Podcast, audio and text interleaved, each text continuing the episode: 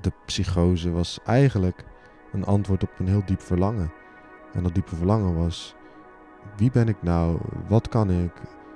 Weet je, die levensvragen. En in één keer kwam dat zo poef, als een uh, donder bij heldere hemel.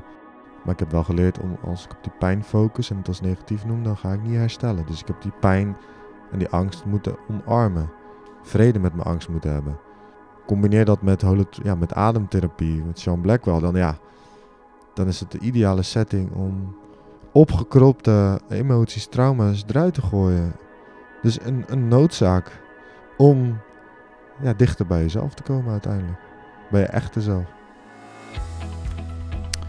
Welkom bij de Supernova Podcast. Mijn naam is David. Leuk dat je luistert naar deze nieuwe aflevering. Waarin ik in gesprek ga met Tim Knoten. Tim is ervaringsdeskundige bij de GGZ als het gaat over psychoses en spirituele ervaringen. Nou, wat heeft een psychose met een spirituele ervaring te maken? Nou, moet je even naar deze podcast luisteren. Ehm, mijn eigen kijk daarop is dat wij leven allemaal in een wereld, zeg maar, die ehm, ons is op een bepaalde manier ons wordt voorgehouden vanaf jonge leeftijd. Ik vind het uh, voorbeeld van de Matrix daarin altijd een hele interessante, hè, waarin Morpheus zegt van, the Matrix is the world that's been pulled over your eyes to blind you from the truth. Nou, op het moment dat je dan ontwaakt uit die matrix, dan heeft dat nogal een schokeffect. Zeker als dat heel plotseling is. Um, Stanislav Grof heeft een boek geschreven over dit fenomeen, um, wat bekend staat als spiritual emergency. En een spiritual emergency is een soort crisis. Um, het kan een plotselinge crisis zijn. Het kan ook gepaard gaan met een mystieke of spirituele ervaringen, bijna doodervaringen uh, kundalini-ontwakingen, paranormale ervaringen, maar ook religieuze extase. Um, ja, het is een hele reeks ervaringen die we scharen onder een spiritual emergency, die, um, die raakvlakken hebben met een psychose. En als ik voor mezelf spreek, dan heb ik ook ervaringen gehad waarin ik me afvroeg van ja, wat is nu echt en wat is niet echt. En dat je een beetje op zo'n dunne lijn bent, zeg maar, ook mentaal gezien over ja, wat is dit voor wereld, weet je? Waar waarin leven wij? En dan zien we dat we als maatschappij natuurlijk dat allemaal op zijn plek willen houden. En dat alles wat daarvan afwijkt, dat we dat ook gaan behandelen als een afwijking. Terwijl de mensen die dit soort ervaringen hebben, ons echt wel wat te vertellen hebben. En dat zij ook uiteraard goede begeleiding nodig hebben. En dan misschien wel hele belangrijke boodschappen hebben voor de mensheid. Nou ja, ik ga er verder ook niet te veel woorden aan vuil maken, want uh, op zich is het een onderwerp waar we waar heel veel over te zeggen is. Uh, maar ik ga je uh, in ieder geval uh, veel luisterplezier wensen met Tim Knoten. Um, heb je vragen naar aanleiding van deze podcast, kun je mij mailen op supernova.davidpieters.com. Vind je deze podcast waardevol? Um, heb je er wat aan? Dan waardeer ik het dat je een review even achterlaat in de podcast-app. Of deze podcast deelt met iemand in je omgeving. Nou, dankjewel. Ik wens jou veel luisterplezier. Oké, Tim. Ik uh, zit hier bij jou uh, thuis. Naar aanleiding van een artikel wat ik las in de Trouw. Hij ligt hier. Wanneer was dit? Uh, afgelopen zomer, eind augustus, stond er een, eigenlijk een heel mooi artikel in Trouw met als titel Psychose als verlichting. Dat trok eigenlijk direct mijn aandacht. Dus um, ik heb contact met jou opgenomen. Nou, hier zitten we. En we gaan een gesprek voeren over um, verlichting, spiritualiteit, ja. psychoses. Um, want je hebt best wel wat meegemaakt de afgelopen zeven jaar. Uh, je bent nu 27, klopt dat? 26. 26. Ja. En je bent um, eigenlijk in je studententijd, uh, ben jij, uh, vertelde je mij, naar Afrika vertrokken voor een soort schoolproject, studieproject. Klopt, ja. En daar is nogal wat met jou gebeurd. Ja, dat kan je wel stellen, ja. Is dat, zullen we daar eens beginnen? Om um, ja, jouw ervaring in Ghana, je bent naar Ghana gegaan, alleen of met wat studiegenoten. En daar, ja, wat, wat is daar met jou gebeurd? Ik ben uh, voor mijn minor van gezondheidszorgtechnologie aan de Hogeschool Rotterdam naar Afrika gegaan om in een ziekenhuisstage te lopen. Okay. En ik zag dat als een mogelijkheid om mezelf te leren kennen en mijn eerste echte eigen keuze. En ik dacht, zoals de meeste studenten dachten, ik ga mezelf daar tegenkomen. Weet je, hoopte je dat of dacht je dat ik gewoon? Hoopte Op het. een positieve manier? Ik of? hoopte het en ik dacht het omdat het mijn allereerste zelfstandige reis zou zijn. Maar ik had niet gedacht dat het zo zou gaan zoals het ging. Nee. En wat gebeurde er? Nou ja, ik, ik moest malaria-pillen slikken. Althans, werd geadviseerd. Dan kon je kiezen uit Malarone of Lariam. Uh, Lariam was goedkoper, maar had meer bijwerkingen. En ik dacht, nou ja, ik, ik zou in een... Uh, ze zeiden, ja, je kan gaan hallucineren. En ik dacht, nou, dat, dat is niet zo erg. Dan heb ik een trip in een trip. Vond ik ergens nog wel interessant. En het was goedkoper, je hoeft het één keer in de week te slikken. Dus ik dacht, geef mij die Lariam en ik ben weg hier. Had ik het even gegoogeld, kwam ik erachter dat er nogal een hele lijst aan bijwerkingen bij zat. Maar daar was ik totaal niet bewust van. Totdat ik dus in mijn eerste week in Ghana totaal niet kon slapen. Ik was overweldigd door alle prikkels, de cultuurshock, het alleen zijn. Ik was wel met studiegenoten. Maar wel echt voor het eerst in zo'n extreem ander land. En in de nachten gebruikte ik om alles te verwerken wat ik de dag had meegemaakt. Maar niet in mijn slaap, zoals dat normaal gaat. Maar door alles te herbeleven, herkouwen. Gepaard met heel veel inzichten. En de eerste paar nachten niet slapen waren zo... Ja, ja, je weet het wel, als je een keer niet slaapt, dan word je een soort slaapdronken. En stel je voor dat dat een week lang gebeurt. Dus mijn lichaam was op, maar mijn geest was continu actief. En dat was zo raar, want ik was uitgeput, maar enthousiast en uitgelaten op hetzelfde moment. Je hebt daar dus zeg maar een week lang niet geslapen. Ja, gerust alleen, ja. Ja, je hebt wel op bed gelegen dan s'nachts, maar je kwam, of die, die, die malaria-pillen, die hebben bij jou een, um, ja, eh, ben je door die pillen gaan hallucineren? Of hoe zou, hoe zou je dat dan... Nou, niet direct. Het begon in Nederland al met chaos. In de eerste drie weken moest ik het uh, uitproberen. Maar iedereen dacht, mijn familie, van nou, dat is de stress van de reis. Maar achteraf begon het toen al, ik kon mijn spullen niet inpakken. Ik wist niet meer het doel van de dingen die ik mee zou nemen. Ik, uh, ik snapte het niet meer. En ik was totaal niet uh, bezig met de reis, alleen maar met alles wat er in mijn systeem gebeurde. En dat werd in Ghana alleen maar erger. Ik kon geen keuzes maken. Ik moest aan mijn klasgenoten vragen of ik links of rechts zou gaan. Zal ik een colaatje nemen of een 7-up? Alles moest gevraagd worden. Echt alsof mijn intuïtie eh, er niet was. En totdat een klasgenoot zei: Tim, doe gewoon je ding. Hij zei het op een beetje boze manier. En ik dacht: Oh, dat is best wel heftig. Maar dat heeft me wel doen inzien. Ik moet gewoon mijn ding gaan doen. Dus ik ben toen gaan stoppen met het vragen van naar bevestiging. Maar dat sloeg weer heel erg door daar. Uh, Oké, ik heb nu een eerste gedachte. Laat ik die maar gaan doen. Toen ben ik zo erg in mijn intuïtie gaan vertrouwen dat ik totaal geen rekening meer hield met, met anderen. En ik schreef alles in mijn dagboeken, want ik was zo druk in mijn hoofd. Uh, ja. Totdat ik op een gegeven moment, um, nadat ik, dus wat ik net vertelde, op had geschreven, kwam er een soort door alle chaos heen. Een hele duidelijke stem. Die sprak in het Engels, maar het komt erop neer dat hij zei: Tim, je bent hier op aarde om mensen te helpen op jouw manier en je doet het al goed. Dat was zo kraakhelder. Het was door alle chaos heen. En vanaf dat moment dacht ik, oké, dit is dus een soort van hogere macht, een, goddelijkheid of een, een uh, ben ik dan nu uitverkorene en, en, ben ik dan een messias of een soort Jezusfiguur? En ik ging het allemaal proberen te kaderen, maar synchroon aan die boodschap of dat bericht van de hogere macht leek het alsof er een soort wit licht door me heen straalde, wat al mijn pijn wegnam, mijn blokkades. Ik had ineens een stem ontwikkeld. Voorheen praat ik heel erg binnensmonds en kon ik niet echt goed uit mijn woorden komen. En in één keer was ik gestroomlijnd. Mijn oogkleppen waren afgegaan. Ehm, ik genoot van alles om me heen. Mijn zintuigelijke waarneming was echt keer duizend gegaan. Oké, en hoe, wat gebeurde dan? Oh, kun je daar iets van omschrijven? Van die zintuigelijke waarneming, ja. Nou, alsof ik voor het eerst zag.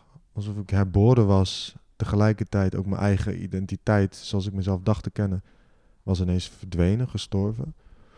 Ja. Uh, ik was totaal in een soort verlichting beland, in een extase, en een gevoel van harmonie en verbinding met alles om me heen. En ik zag alleen maar het goede, um, de schoonheid van, de, van alles, van de mensen. Voorheen was ik heel oordeel, vol met oordelen. Als iedereen, of als iemand een beetje anders was, was het meteen al, uh, ja, dan mocht ik hem niet. En uh, in één keer mocht ik iedereen. Maar ik kon ook wel heel gevoelig zijn voor energieën van anderen. Dus als iemand niet zo'n stralende blik had, ik was heel gevoelig voor ogen en mimiek. dan kreeg ik daar heel naar gevoel bij, een heel naar gevoel. Alleen die Ghanese mensen, die, ik had echt het gevoel dat zij al een soort kennis, al wetende kennis hadden bemachtigd om vredelievend door het leven te gaan. En ze straalden zo erg en ik dacht, ja, jullie snappen het. En ik werd alleen maar klaargestoomd in Nederland over de armoede en je moet voorzichtig zijn en de risico's en preventief, je moet dit en dit niet gaan doen. En ik zag, nou, die mensen die hadden alles al. Ja. Het leek alsof ik Google in mijn hoofd geïmplementeerd had en ik antwoord had op alle vragen. En als ik een vraag stelde, kreeg ik meteen antwoord. In, innerlijk bedoel je? Innerlijk, ja. Ja. En ook om me, eh, dus innerlijk en extern. Alsof ik letterlijk eh, gesprekken met God had. Ingeplucht was, zeg maar. Ja, in tune met kennis of eh, En, en, gebeurde dit zeg maar gaandeweg die week dat je dus niet sliep? Of was dat op een bepaald moment dat het in één keer boom insloeg? Dit was denk ik in, de la in het einde van de eerste week. Toen kwam, eh, was het overload aan chaos. kwam ineens alles samen. En vanuit die chaos was het ineens baf. Totale rust en harmonie. Dus het was in één keer een explosie aan chaos die vrijkwam. En vanuit daar was het die verlichting. En ging je dan ehm, ehm, ja, daarover praten met de mensen in je omgeving? Of wat deed jij qua gedrag? Ik liep dus echt over aan woorden. Het was een soort spraakwaterval. En het maakte niet uit wie er voor me stond. Ik was met iedereen aan het praten, aan het spuien wat ik aan het meemaken was. Maar de klasgenoten die dachten echt van, wat, wat zeg jij nou? Er was geen touw aan vast te knopen. Ik ging van de hak op de tak en ik spra- sprak ook in, in raadsels. Want ik wilde niet te veel van mijn kennis te, snel overgeven aan iemand. Ik wilde dat ze er zelf achter kwamen. Dus ik sprak in metaforen en in hele aparte vragen. Waardoor mensen vooral heel verward raakten. Vooral de mensen die mij al kenden van voorheen. Terwijl de Ghanese mensen daar echt totaal open stonden. En ze dachten, hé, hey, die jongen heeft iets bijzonders meegemaakt. En we moeten er voor hem zijn en hem een beetje afremmen. En zeggen, ja luister, dit is wel iets heel bijzonders, maar je moet ook nog hier leven.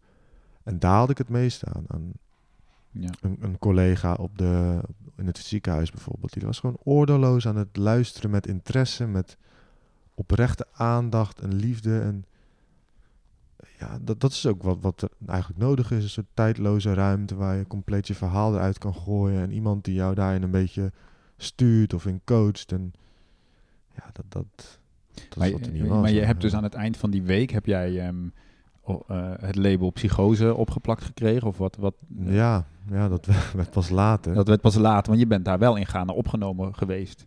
ja, het in een klopt. kliniek, toch? Klopt, inderdaad. Dat was... ehm, dat het psychose heette, wist ik toen niet. Ik dacht, ik heb een openbaring gehad. Ehm, ik ben... eh, mijn identiteit is gestorven en ik eh, kan nooit meer slapen. Ik dacht, ik ga hier niet uitkomen. Hoe moet ik slapen?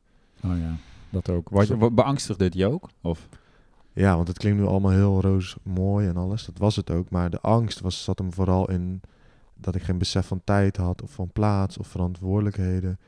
Dat ik niet meer echt wist wat mijn doel daar was. Ik was compleet in het nu. Eh, en uiteindelijk liep ik daar in mijn onderbroek rond. Eh, ik had al mijn lichaamshaar afgeschoren vanwege de hitte. Ik had de continue ehm, eh, energie door mijn lichaam stromen. Koud, warm, tintelingen. Later bleek dus dat dat eh, kundalini of hoe je het ook wil noemen was. Maar dat wist ik toen niet. Mijn gewrichten deden pijn. Dus ik was mentaal in de war. Maar lichamelijk klopte er ook heel veel niet. Of juist wel. Ja. Maar uiteindelijk ben ik dus in een, mijn onderbroek met een hoeslaak om mijn hoofd gaan rondlopen in het dorpje daar. Met mijn zusjes van het gastgezin. Ja, zusjes tussen aanhalingstekens. Een islamitisch gastgezin. En die gingen mij voorstellen aan, eh, aan het dorp. En ze waren heel enthousiast. Hey, leuke Nederland of een leuke blanke gast. Die is heel enthousiast aan het springen en aan het dansen. En aan het... Ik was zo licht als een veertje. En het leek wel alsof mijn lichaam een geoliede machine was. Maar ik ben toen dus toen gaan verkondigen aan de mensen bij hun leme hutje. Die zitten dan daar te zitten. Je kan het niet echt een hutje noemen, Nee, nee, maar nee. ze wonen daar. En dan kwam ik langs, heel nederig, eh, kwam ik naar ze toe en dan eh, begon ik te vertellen dat, eh, dat de wereldvrede eraan zat te komen, dat ze in mijn ogen moesten kijken en dat ze het dan wel zouden zien. Als een soort van geruststelling, nou, komt wel goed. En dan ging ik weer door, even een boodschap verkondigen. En dan zou je dat hier in- of, ja, in Rotterdam of in de stad doen. Ja, binnen no time word je dan afgeladen of meegenomen of, of ja, ontstaat de Ja, maar hoe reageerden die mensen op jou? Ja, dus, dus precies het tegenovergestelde. Eh, heel open. Ehm, omdat ze niet zozeer mijn, misschien mijn woorden snapten, maar de, de manier waarop ik het bracht, de hele warmtevolle, enthousiaste, liefdevolle houding die ik had, eh, alsof ze dat voelden en dat was oké. Mhm. Het was niet van, wat zeg jij nou, Ach, doe eens normaal of doe eens een broek aan. Nee, het was oké. En ehm, dat is iets wat er in Nederland, dat, dat ging er in Nederland wel anders aan toe. Ja. Want ik ben dus, wat je net ook vroeg, in kliniek terechtgekomen, in die toestand. Ja, want eh, maar heeft iemand jou eh, op een gegeven moment meegenomen en gezegd van nou, het gaat niet goed met deze jongen. Laten we deze even opnemen in een kliniek in Ghana. Hoe ging dat? Nou, er was een eh Ghanese vrouw, dat was de contactpersoon. En die regelde alles, de, de zaken naar Nederland. En die zorgde ook voor ons. En mijn klasgenoten die waren op zoek naar mij, want ik was niet naar het ziekenhuis gegaan. En iedereen dacht, waar is hij nou? En het bizarre is dus dat die twee van die klasgenoten slikten ook Lariam. Maar die werden heel erg naar binnen gekeerd. Heel erg ja, depressief bijna. Oh ja, daar gebeurde dus ook wel Ja. iets mee. Ja. En achteraf bleek dus dat die familie van hen ook al zag dat het niet helemaal goed ging. Ehm, alleen ik reageerde dus tegenover, ja, ik werd heel uitgelaten, psychotisch dus, en zij tegenovergestelde. Dus er was een enorme verwarring bij iedereen. Toen uiteindelijk heeft ehm, mijn vader een van die klasgenoten gebeld en eh, gevraagd, ja, wat is er aan de hand? Want hij stuurt allemaal gekke berichten. Oh, jij ging ook naar Nederland communiceren. ja, iedereen trok aan mij aan alle kanten. En ik was alleen maar aan het vertellen dat ik inzichten had en hoe mooi het was. En dat ik het nu eindelijk begrijp, het leven. Terwijl bijvoorbeeld mijn vriendin vroeg, ja, wat heb je gegeten? Of wat heb je Ja, meegemaakt? ja, dat is niet belangrijk. dat kon ik niet eens vertellen. Ja. het was alleen maar het innerlijke proces, inderdaad. Maar goed, uiteindelijk is mijn vader aan de lijn. En toen ik zijn stem hoorde, leek het alsof ik hem voor het eerst hoorde. Sinds, sinds een paar maanden, terwijl ik daar pas een week was. Ik herkende zijn stem bijna niet. En eh, ik- hij zei, ja, het gaat niet goed, je hebt hulp nodig. Ik zeg, pa, het gaat juist supergoed. Ik eh, snap alles. eh, ik weet precies wat ik moet doen. En toen zei hij, nee, maar dat is juist wat er niet goed is. Je voelt je te goed. En toen liet hij ook zijn emotie doorschemeren in zijn stem. En Ongerustheid eigenlijk waarschijnlijk. ongerustheid en wanhoop ook. Want het Mm. was echt een enorm verhit gesprek. Hij barstte in tranen uit en toen brak er ook iets in mij. En toen kwam ineens het besef dat er inderdaad iets niet goed was. Want ik had dat besef wel. Oké. Dat wordt ook vaak gevraagd, maar ben je dan wel bewust dat je daarin zit? En ik vergelijk het wel eens met een droom, dat je wel af en toe bewust bent dat je droomt, maar dat je jezelf er niet even uit wakker kan maken. En ehm, ja, dat is, dus ik zei tegen mijn pa, ja, je hebt gelijk. Ik eh, schreef ook in mijn dagboeken dat ik inderdaad rust nodig had, dat ik rustig aan moest doen, dat ik moest gaan slapen en eh, dat ik het dan beter zou kunnen integreren.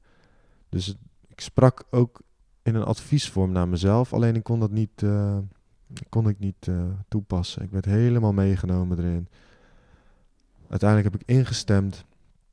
Dus van ja, pa, je hebt gelijk. Toen hebben ze me naar een kliniekje gebracht. Ik ben op bed gaan liggen, bloed afgenomen. En dat was echt een klein kliniekje. En wat ze daar... Ja, ze hebben er niet veel, maar ze hebben wel medicijnen. Medicijnen zijn overal. Hebben ze ja, overal. Daar, daar wordt wel voor gezorgd door Ja, onze echt. vrienden van de farmaceutische industrie. En echt geen, eh, ja, tuurlijk, medicijnen, een goede en een slechte kant aan. Ik wil het echt niet als slecht afschilderen, maar ik werd eh, gediagnosticeerd ten eerste op basis van mijn bloedwaardes. Er werd gezegd dat ik tyfus had en malaria. Eh, en ik dacht, nou, dat kan er nog wel bij. Maar ja, dat Maar was dat malaria vanwege die pillen die je slikt of had je echt malaria? Ik had dus sym- echt symptomen van malaria. Mijn gezicht was opgezwollen. Ik had echt, als ik het google, allemaal symptomen van malaria. Maar dat kan ook komen doordat de antistoffen in de malaria-pil. Dus je weet helemaal niet meer Nee. Of nou de malaria is. Wat ik nog nou even voordat we over, over jouw verhaal verder gaan. Ik, Ja. eh, is het, is het, komt het vaker voor dat mensen die die pillen slikken, dat die zo'n ervaring hebben? Dat Later, zei ik, later sprak een Nederlandse psychiater. En die zei dat, of zij zei dat. eh, ze reageerde bijna van: Oh, is het weer zo'n geval? Zo van: Oh, hebben we weer zo'n geval? Wordt het nog steeds voorgeschreven? Dus ja, dat gebeurt vaker. Er was een, ehm, een ander meisje van, eh, uit Nederland. Die zou daar drie maanden blijven. En die is uiteindelijk ook eerder weggegaan. Die slikt ook die malaria-pillen. Die werd helemaal angsten, paranoïde, die is gewoon naar huis gegaan. Dus iedereen had een andere reactie daarop. Wat bizar eigenlijk, hè? En dat ze die pillen dus gewoon op de markt zijn. Dat is heel bizar. En vooral eh, hoe luchtig het mij werd... Dit was 2013. En het is wel wat veranderd. Volgens mij althans. Ik heb me er wel wat voor ingezet de afgelopen jaren. En heel veel organisaties, eh, Facebookpagina's die er tegen aan het vechten zijn. In de Vietnamoorlog werd het al voorgeschreven. Allemaal slachtoffers. Ehm, ja, je kan het zo gek niet bedenken wat de effecten daarvan zijn. Maar bij mij werd er heel luchtig over gedaan. Oh, heb je wel eens eh, mentale klachten gehad in het verleden? Nee joh, ik ben een gezonde jongen, geef me die Ja. pillen en ik ben weer weg. En dat werd zo makkelijk meegegeven. Maar had ik even onderzoek gedaan, had ik gezien dat ik het niet moest nemen. Of al had ik even aan mijn huisarts gevraagd. Die huisarts zei later ook, shit, had ik hem nou maar... Had hij mij nou maar gesproken, dan had hij het nooit voorgeschreven.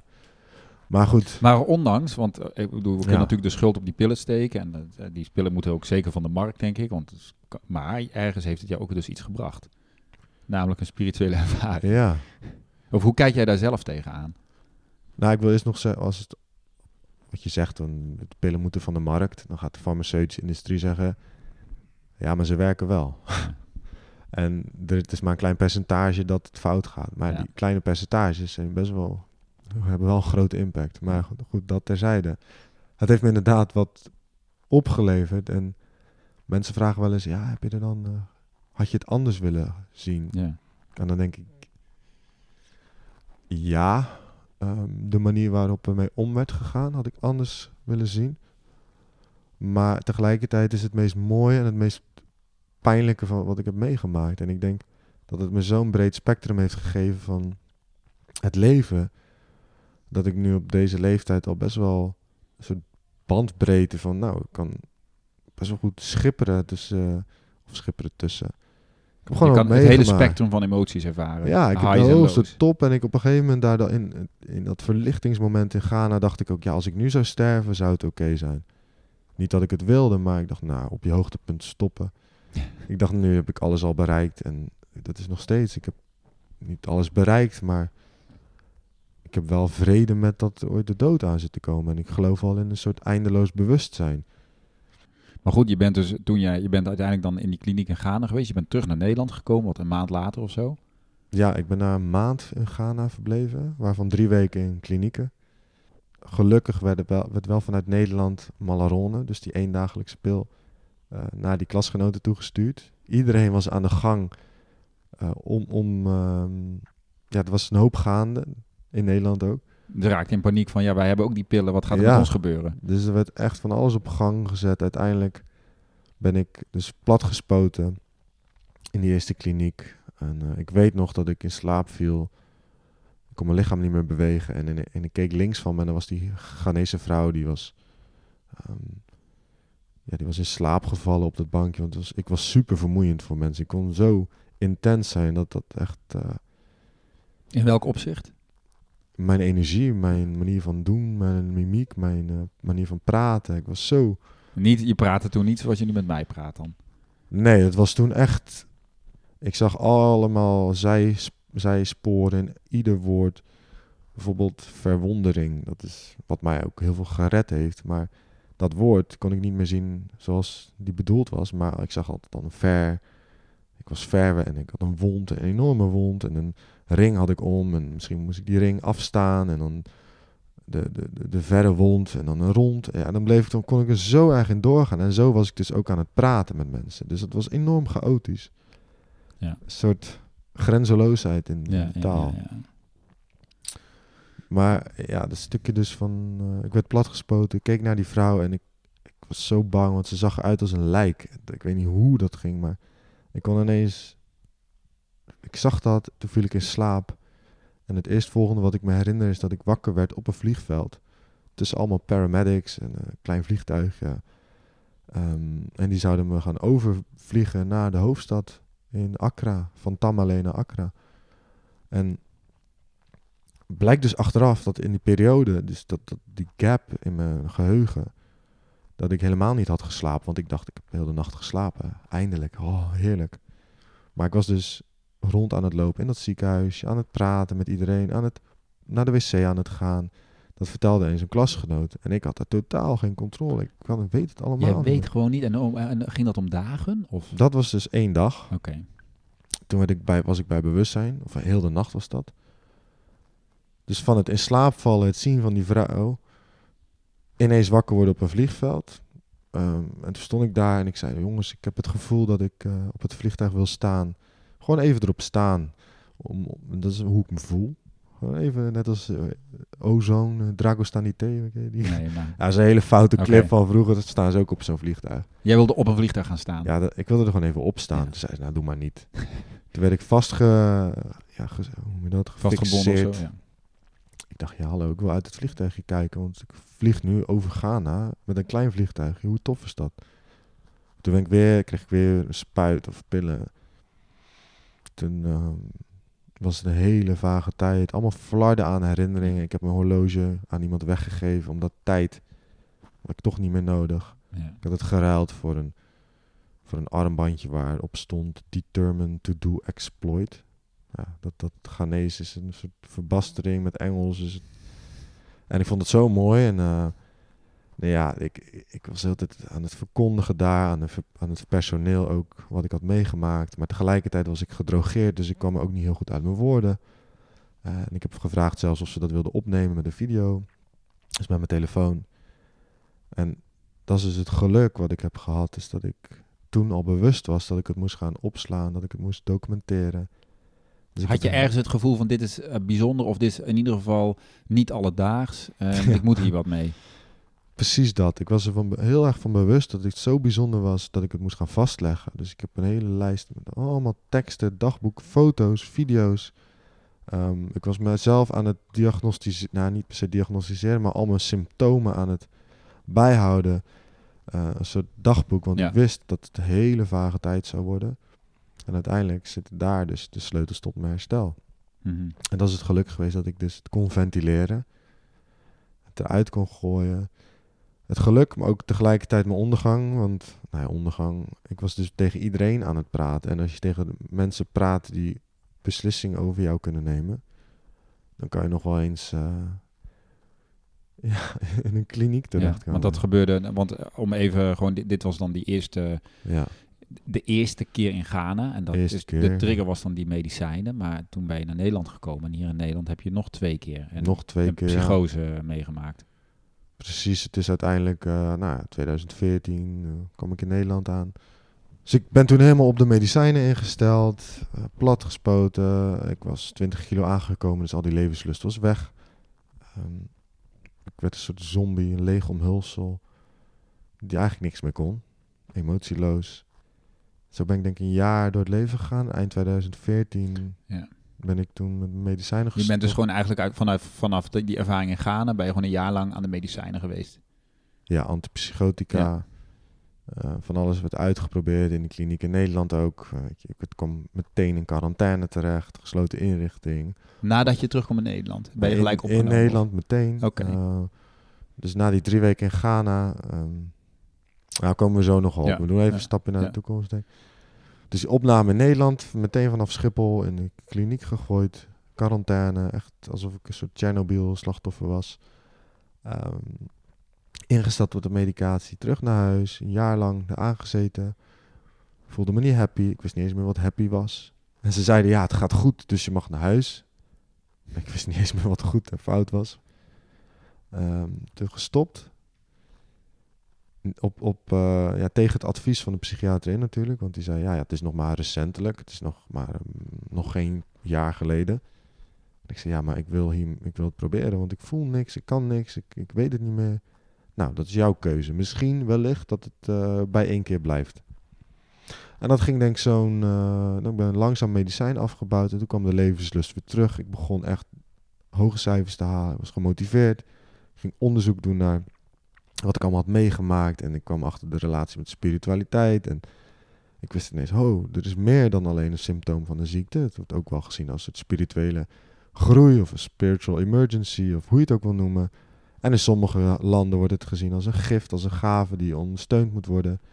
En ik dacht, hé, hey, nu weet ik eigenlijk hoe het zit. En toen ging Ja, alles je- je. Ik kan me voorstellen dat je dus inderdaad op zoek gaat naar wat is eigenlijk met mij gebeurd. Omdat je dat wil begrijpen op de een of andere manier. Ja.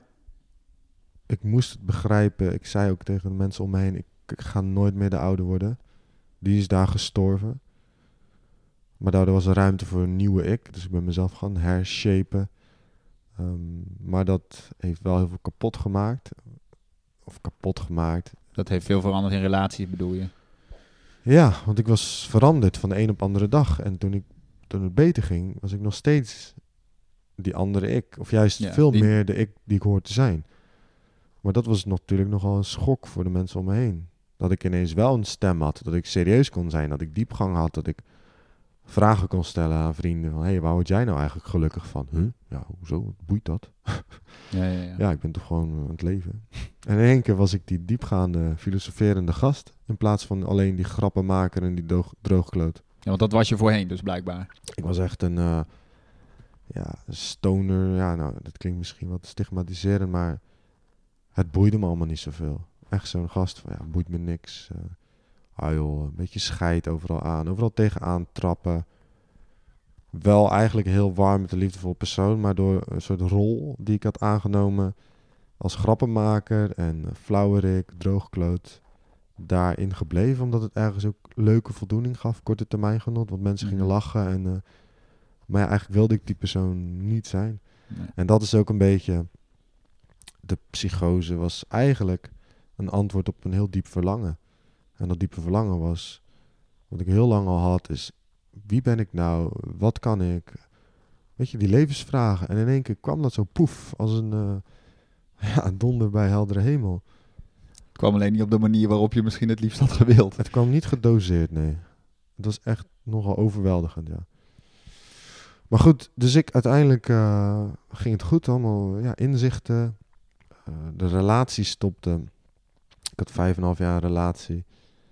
Ehm, dat ging ook niet meer zoals van ouds, want ja, ik was niet meer... Je was niet meer dezelfde. Nee, het was schade aangericht en alles eromheen. Maar overlappend daaraan ontmoette ik een ander meisje. Ehm, ja, ik kon er niet zoveel eh, aan doen. Het overkwam me. Ik ben niet per se vreemd gegaan, maar eh, lichamelijk niet, maar mentaal wel. Het was een soort zielsconnectie, liefde op het eerste gezicht. Een, een hele intense herkenning. Een soort vorige leven ontmoeting. En in één keer was een soort big bang die in mij plaatsvond. En alles was overhoop gegooid. En qua schoonheid. En ik, ja, liefde dus. En dat had ik in die vorm nog niet ervaren. En vanaf dat moment, eh, ik had ook gezegd, ja, sorry, maar ik kan echt niet met jou, want ik heb een vriendin en eh, ik wil dit niet. Maar toen begon toch mijn geweten te knagen en ben ik van de ene relatie in de andere gedoken. Tegelijkertijd begon ik met mijn afstuderen. Ik had een leuke reis. Ik had haar in Spanje ontmoet. Eh, ik was naar de Pyreneeën geweest. En, nou, ja, je bent op vakantie, dus het is allemaal ook mooi. En het was een vuurwerkshow en alles. En vallende sterren op, op het strand. allemaal gelegen. En ja, dat draagt natuurlijk ook bij aan, eh, aan de experience en zo. Maar uiteindelijk eh, ben ik afstuderen gaan doen. En in mijn eerste week van mijn afstuderen ging het weer te goed. Ik wilde zeggen fout, maar het ging te En goed. Zat jij door die relatie al helemaal zo high dat je zeg maar eigenlijk doorsloeg of zo? Ja, onder andere. Ja. De enorme de erkenning die ze mij gaf. Ik kon mijn verhaal uiten en ze snapte het. Ik hoefde niet alles tien keer uit te leggen, want ze snapte het al in één zin. Ze was heel jong, ze was 18 en ik was 22, maar zo'n oude ziel, of hoe je het ook wil noemen, zo open, zo, zo mooi. En door die erkenning werd ik ineens begrepen, maar dat, ik sloeg daar nogal in door. Ik, er gebeurden zoveel mooie dingen. Mijn afstuderen, heel enthousiast, maar tegelijkertijd eh, was de begrenzing van de vorige relatie eraf. En had ik zoveel ruimte voor nieuwe dingen. Dat ik ook weer heel veel ging stappen. En ik ging ook weer af en toe blowen. En ehm, heel veel hooi op mijn vork nemen. Niet stilzitten, alleen maar doorgaan. Ik ging echt mee op de, op de positieve energie. Totdat er op een gegeven moment een overload was weer aan die positieve energie. En toen dacht ik weer van, hé, hey, ik, ben, eh, ik ben weer Jezus, eh, de tweede, maar nu meer gefocust op de maatschappij. Ik dacht, ik wist nu wat mijn doel zou zijn. Zoals de eerste psychose was meer de verlichting, hoe de ervaring van wow. En de tweede was veel meer gespitst op hoe ga ik dit inzetten. Dus ik was Mhm. tijdens mijn afstuderen al bezig met in week 1 al met de hele businessplannen. Hoe ga ik, wat is mijn taak? Ik, ik zag alle verbindingen. Ik snapte precies hoe die organisatie in elkaar stak. En ik wist mijn rol. En ik zag het al helemaal voor me Mhm. dat ik, eh, wat ik allemaal ging doen. Overenthousiast. Maar tegelijkertijd een enorme potentie die aan eh, gewakkerd werd. En dat is, als, stap je naar nu, als ik Mhm. het mag doen. Ja? Mijn angst zit hem in de angst voor mijn potentie. En dan bedoel ik niet ar- arrogant of, of wat dan ook, maar de angst voor wat er allemaal in me zit als ik doe wat ik moet doen. Ik heb ook heel vaak mijn plannetjes gevolgd, alle, mijn to-do-lijstjes gedaan. En dat gaf me dan zoveel ruimte voor nieuwe ideeën, voor nieuwe dingen, dat ik me daar mezelf wel in kon verliezen als het ware. Mhm. Dus het is de uitdaging om gedoseerd mijn eigen kracht in te zetten, zetten dan, ja. Wauw. Maar toen ben je dus die, die tweede keer dat het zo heel goed met je ging, ja. dat eindigde uiteindelijk ook in een kliniek. Dat klopt. Ik, ehm, ik was heel erg gefocust op mijn gezinssituatie thuis. Ik wilde dat mijn ouders me begrepen. Ik werd dus geforceerd weer. Gedwongen opgenomen. Gedwongen opgenomen. Tegen je wil uiteindelijk ook. Nou ja, dan hoor je dus, zoals ik je net ook al. Ja, Ja, we hadden even voorgesprek waar je ja voorgesprek vertelde. Ja. inderdaad. En zei ik van ja, je zit hier vrijwillig. Dat, werd, dat zei de psychiater. Je zit hier vrijwillig. Nou, dan wil ik hier weg. Ja, maar hallo, dat kan niet, want je laat dit en dit gedrag zien. Dus dan heb je een, een frictie in het systeem. Nou, Vind je achteraf gezien dat het wel terecht is dat je opgenomen bent, die Ja. tweede keer? Ja. Terecht. Het was de enige op- optie op dat moment. Tuurlijk zijn, waren er alternatieven geweest. Eh, ik zat liefst in een so- soteria-huis. Dus ja. een plek waar je dan... Met meer liefde en aandacht eigenlijk. ja, zonder met minimale medicijnen. Maar dat was toen niet eh, optioneel. Ja. Toen was er dus een frictie in het systeem. Ik kreeg een, psychia of een eh, advocaat aangewezen. Samen met mijn advocaten. de rechter weet het overtuigen dat het goed met me ging. Want de rechter, ja, die kende mij helemaal niet. En ik kon de schijn hoog houden. Want ik was best, was best wel bekwaam. Ik kon echt wel doen alsof het goed ging. Ja, je kon het gewoon eh, met je woorden wel eh, recht breiden. Ja. En die psychiater zei, ik heb dit nog nooit meegemaakt. Hij loopt in zijn onderbroek over de gang te rennen. Uh, hij zegt allemaal verwarde dingen. En nu doet hij alsof het allemaal goed gaat. Helemaal boos tegen de rechter. Ja, je, je bent niet bekwaam genoeg. Toen werd de rechter als niet bekwaam bestempeld. Was die overigens ook niet. Maar ja, ik wilde daar weg. Ik had jij, geen had, idee. jij hebt ze met een eh, behulp van je advocaat om de tuin geleid eigenlijk. Ja. Ja. Want ja, ik, ik hoorde, ik zit hier vrijwillig. En het enige wat ik dan dacht, nou dan wil ik hier weg. Maakt me niet uit waar naartoe, weg hier. Ja. Maar goed, toen kwam er nog een rechtszaak, drie weken later. En de stress daarvan. Mijn ouders moesten glashard tegen me getuigen. Toen uiteindelijk eh, was het duidelijk, ik moest daar blijven. Ja. Maar de onzekerheid waar ik in zat, de, de stress van de rechtszaak en de, de, schijnveilig, de schijnvrijheid die ze me gaven, dat was zo... Ik wist niet waar ik aan toe was. Had jij toen het reflecterende vermogen wat je nu hebt? Tijdens zo'n gesprek, of Nou ja, toen in, tijdens die, die periode in die, die opname eigenlijk. zeker de tweede keer. Ja, dat wel.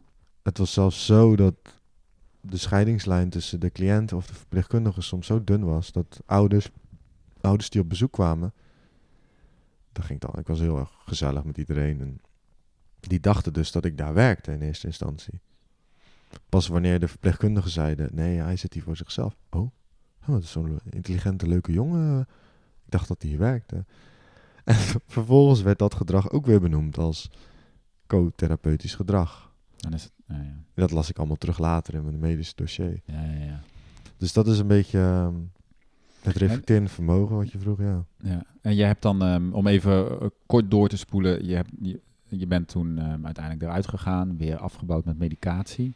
Lithium inderdaad moeten Ja. slikken. Tweede psychose, dus bipolair. Ja, Bipolair. Dat is toen het label wat je daarna kreeg. Ja, Of- eerst was het m- manische episode, mogelijk geïnitieerd vanuit een bipolaire stoornis 1. Nou, toen was de tweede keer, toen was het dus bipolaire stoornis.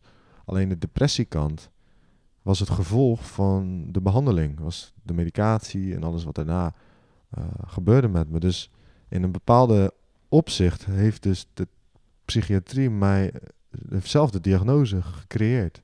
Mhm. En ik wil niet zeggen dat dat dan per per se verkeerd is. Het was ook de enige optie, denk ik. Maar eh, de lithium hielp ook. Dat was beter dan antipsychotica. Maar om me nou bipolair te noemen, als in, ja, ik zie dan iemand voor me die heel erg schommelt tussen de, de Hmm. manische, depressieve. Maar ik was alleen maar manisch. Dat, was, dat is mijn gevoeligheid. De gevoeligheid is een, een overschot aan energie. Dus die, die diagnose, ja, die, die heb ik wel gebruikt om, om onderzoek te doen en van te leren. Maar het is niet dat ik mijn diagnose ben. Nee. Het is niet, sommige mensen die... Ik ben later een ervaringsdeskundige opleiding gaan doen bij Howie de Harp. Dus een, de Harp. dat is een, ehm, een, Ja. een, opleidingsinstituut voor mensen. Of, Ja, voor mensen die allemaal iets levensontwrichtends hebben meegemaakt. Een jaar lang. Half jaar theorie, half jaar stage. En dan word je deskundig in ervaringen. Dus breder dan je eigen ervaring. Maar dan kom ik mensen tegen die zeiden... Ik, hoi, ik ben Huppel de Pup. Ik ben bipolair. Gewoon in het eerste contact. En ik heb ooit eens een keer in een herstelverhaal... Dan ga je een verhaal doen. Wat heeft je hersteld? Verteld dat, ik, dat het gedrag wat ik liet zien... werd bestempeld als bipolair. Hm. En dat is natuurlijk een hele andere, een hele andere benadering dan... Ik ben bipolair. Ja.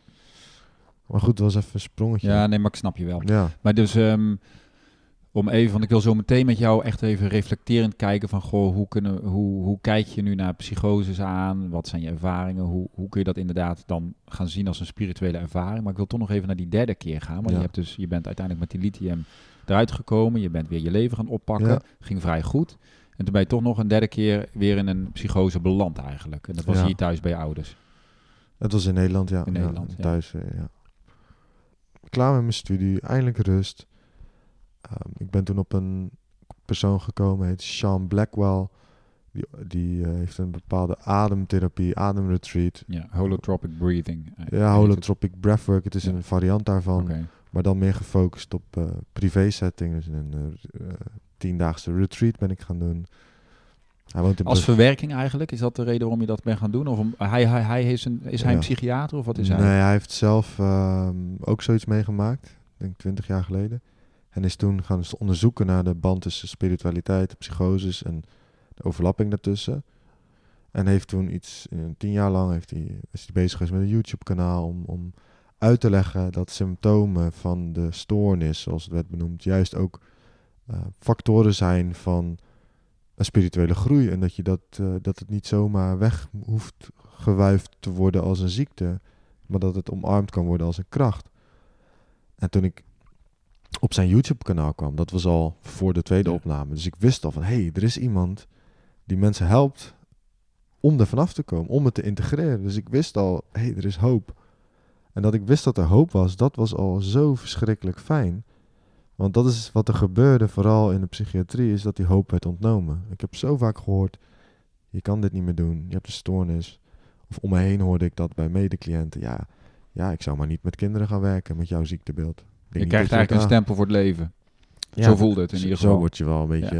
eh, gelukkig heb ik de kracht gehad. Hoe meer ik werd bestempeld, hoe, hoe meer werd gezegd dat ik iets niet kon, hoe sterker mijn drijf werd om daaruit los te breken, om het tegendeel te bewijzen. Maar goed, dus ik heb de- uiteindelijk die, die retreat gedaan. Ehm, geluk, want hij kwam toevallig naar Nederland, toevallig naar Duitsland. Hoefde ik niet naar Brazilië. Kwam allemaal perfect mooi samen. En dat is eigenlijk, als het gaat over de psychose of zo'n spirituele groei. Het is ook een samenloop van perfect, perfecte omstandigheden die, die geen toeval kunnen zijn. Dus zo, Ja. s- ja, het heet dan synchronicities, momenten van toeval die te mooi zijn om waar te zijn. En daar schoot ik dan in door. Ik moest dan per se alles verklaren en verbinden met elkaar. Terwijl ik nu het zie als dat ik op de goede weg bezig ben en ik kan het weer loslaten. Ja. Maar die bijzondere dingen waren zo'n enorme trigger. Je ging ze ook steeds meer zien en misschien wel op een bepaalde manier wilde je ook heel graag dan inkleuren of zo. Ja, ik vond het ook mooi en interessant en eh, mijn gedachten sloegen daarvan op hol. Eh, maar die retreat, ja, wil je daar iets meer op inzoomen? Nou, dat meer je richting misschien- het einde. Nou, ik wil even eerst richting jouw... ehm, Derde. nou, ik vind het wel interessant wat zijn kijk is en vooral wat het jou gebracht heeft. Ehm, dus vertel maar even wat er met die, bij die retreat met jou gebeurde. Want je bent Ja. eigenlijk, je hebt twee psycho... Of dat was nog voor je tweede psychose. dat was daarna. Na Daarna, de- ja, je daar dus geweest. Afgestudeerd, daarna. Ja. En je bent dan op zoek eigenlijk naar van integratie van die ervaringen om weer een normaal leven te leiden. Ja, ik, ik merkte dat er nog zat, want ik slikte lithium en ik was er niet tevreden mee. Ja. de intense liefde die ik eh, had, die was er niet meer. In- Ja, want dat was ook, die intense liefde was ook een, een resultaat van die spirituele ervaring. Van de psychose eigenlijk. Dat was de, de aanleiding eigenlijk. Ja. Maar eh, ook het resultaat, denk ik. Want ik stond toen ineens heel erg open voor dat. En ik was best wel spiritueel. Ja, ik was gegroeid daarin. Dus Ja. ik kon het ook ervaren. Het was bijna een soort geschenk ergens. Een soort van Ja, ja. hand uit de hemel. Van ja, kom hier. eh, er is meer. Dus ja, resultaat en gevolgen. Maar goed, dus die ademretreat gedaan. Zij was daar ook bij. Ehm, en dan moet je je voorstellen in een soort ja, rustig groot huis. In een rustig dorp in Duitsland. Waar je heel veel geluid kan maken. Ehm, boksen met eh, hele opzwepende muziek. Heel tribal. Dus echt Afrikaans, Ja. eh, Asian, hoe je het ook wil noemen. En dan vooral zonder Engelse teksten. En dat is dan om je in het proces te, te brengen. In het begin is het heel opzwepend. Dus echt drums en uh, doem, doem, doem. En op een gegeven moment dan, ja, dan begin je met ademhalen. En daarvoor ben je al bezig met, met je meditatie. Want je moet wel echt in je lichaam zijn. Een hele fijne knusse setting met allemaal kussens. Uh, mensen, die Sean, Sean Blackwell zat erbij. Monica Kettler was zijn eerste cliënte. En die werkt nu samen met hem. Heeft dan nu zijn eigen kliniek. En mijn vriendin toen de tijd. Dus met z'n vieren. En het mooie is, is dat niet dat Sean Blackwell zich niet voordoet als een goeroe of uh, zegt ik ga jou genezen. Nee, hij zit daarbij als facilitator en laat het proces gebeuren en stapt in wanneer ik daarom vraag. En het is echt compleet vanuit jezelf. Dus je begint te ademen diep vanuit je onderbuik, echt kort of diep in, en lang en kort uit en dan achter elkaar. Een beetje Wim Hof methode Ja, achter. je komt in een soort trance eigenlijk. Uiteindelijk kom je inderdaad in een trance, want je bent helemaal verzadigd met zuurstof. En dan begint je lichaam, je wordt duizelig, je begint te tintelen, warm, koude rillingen. Letterlijk begin je de energie en blokkades uit je trauma's te verdampen als het ware. En vaak is zo'n psychose een, een opeenstapeling van gebeurtenissen, trauma's, blokkades, iets wat vastzit. Vanuit een geboorteproces, uh, vorige levens, hoe je het ook wil noemen. In ieder geval een opkropping van iets. Mm -hmm. En de psychose is dan een, een, een, een soort vulkaan of een, een, ja. een uitbarsting eigenlijk. Ja, ja. Uitbarsting. van alles wat ooit onderdrukt was misschien wel. Precies, en in zo'n ademretreat wordt dus gedoseerd um, uitgebarsten. Er wordt Mhm. energie losgelaten en ik vergelijk het wel eens met een uh, PC en een beeldschermmonitor. Je doet even je tabbladen sluiten, je browser history wissen, je, je prullenbak schoonmaken, waardoor er meer ruimte is. Mhm. Uh, het oude wordt opgeschoond, maar tegelijkertijd wordt het ook geïntegreerd. Het is, het is niet helemaal weg, want je hebt nog steeds ergens gestructureerd. Het, het verdwijnt niet. En dat heeft er dus voor gezorgd dat mijn PC, de monitor, dus mijn lichaam, geest, ziel, dat dat wat meer met elkaar in verbinding, nou niet wat meer, dat dat in verbinding met elkaar is. Dat mijn gedachten, mijn spraak uh, is, is, in harmonie. Je kreeg daardoor, door die, door die um, retreat bij die Sean, kreeg je, of kwam je weer in, in heelheid met jezelf of zo? Ja, voor het eerst eigenlijk. Alsof, alsof ik voor het eerst echt op mijn intuïtie durfde te vertrouwen en het ook kon. Uh, alsof mijn ziel eindelijk rust had gevonden in het lichaam. En dat klinkt allemaal heel, ja, ik mag het zelf noemen hoe dat klinkt, mm. maar dat is een beetje, er was geen rust nog. Als je, kijkt, als je er gelooft in die oude zielen. Ik had gewoon een enorme oude ziel. Ik heb Indisch, uh, Indische voorouders. De pijn van die voorouders, dat, dat wordt natuurlijk doorgegeven op de generaties. En het tussen wal en schip vallen, want ja, je zit daar in Indonesië, je wordt verstoten, je gaat naar Nederland, je komt daar. Ja, dat is nogal wat. En wij als volgende generatie heeft daar dan maar mee te dealen. En zeker ook binnen de familie bij ons in die Indo's, uh, die hebben het allemaal niet makkelijk. En dat, uh, ja, dat, dat, Ja. dat weten we allemaal ook. Maar goed, dus ik heb die retreat gedaan, tien dagen lang. ehm, heel veel losgelaten, heel veel. Ja, mijn lichaam begon te vibreren. Ik kwam in een trance staat terecht. Dat heet ook wel de shamanic sleep. Die is heel genezend. Ehm, de vrouw eh, waar ik het over had, Monica Kettler, die, die werd zo erg in meegezogen in die, in die trance staat ook. Dat we op een gegeven moment besloten om samen naast elkaar te ademen. En dat resulteerde er dus in dat op het moment dat ik in die trance staat kwam, dat zij eh, begon te, ja, te schreeuwen of te huilen. En op het moment dat ik uit die transtad kwam, stopte ze er weer mee. Kwam zij, nam zij dan jouw zeg maar, trauma's over of zo? Hoe, Ja, het is. ehm, ja, er er is een soort intelligentie daar gaande. Het heet de inner healer. Dat is de, de, de intuïtie of wat dan ook.